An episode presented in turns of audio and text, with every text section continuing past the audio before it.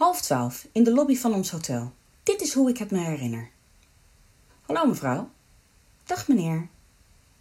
Komt u hier vaker? U bent beter dan dit. U heeft gelijk, pardon. Bent u hier alleen? Ja. Ach, u bent hier niet met vrienden. Ik heb geen vrienden. Dat komt goed uit. Ik ook niet. Mooie jurk. Wel een beetje bloot. Vindt u?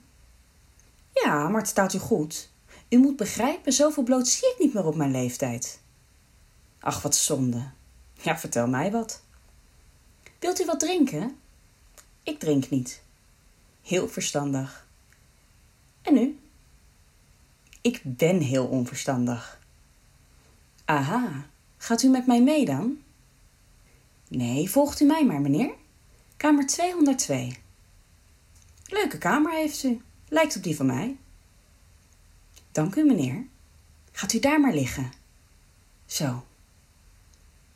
Eh, ik kom naast u liggen. En ik zoen u.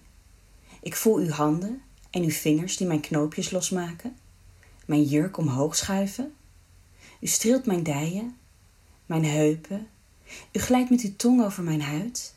En ik wil dat u doorgaat. Met uw vingers die in mij op en neer beweegt. Maar vooral met uw tong. U snapt mij. Hoe u mij likt en likt mm, en likt. U weet wat ik wil. Ik grijp de lakens vast, beweeg mijn heupen met u mee. U gaat door, u gaat maar door, totdat u zomaar ineens stopt.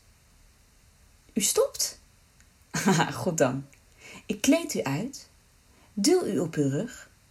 U wacht. U heeft het er moeilijk mee, dat wachten zie ik. Ik zie nu schrijlings op u en ik beweeg. Steeds iets sneller, steeds iets harder. U ademt zwaar, u grijpt mijn dijen vast, trekt mij naar u toe. U voelt goed, meneer. Exact zoals ik me had voorgesteld. U kreunt en u grijpt me nog steviger vast.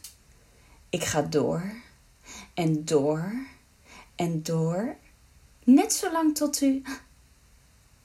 U komt overeind, verdwijnt omlaag. U zegt: U dacht toch zeker niet dat het voorbij was, mevrouw? Nee, meneer, dat dacht ik niet. Zeker niet, meneer. Liefs, Bobby.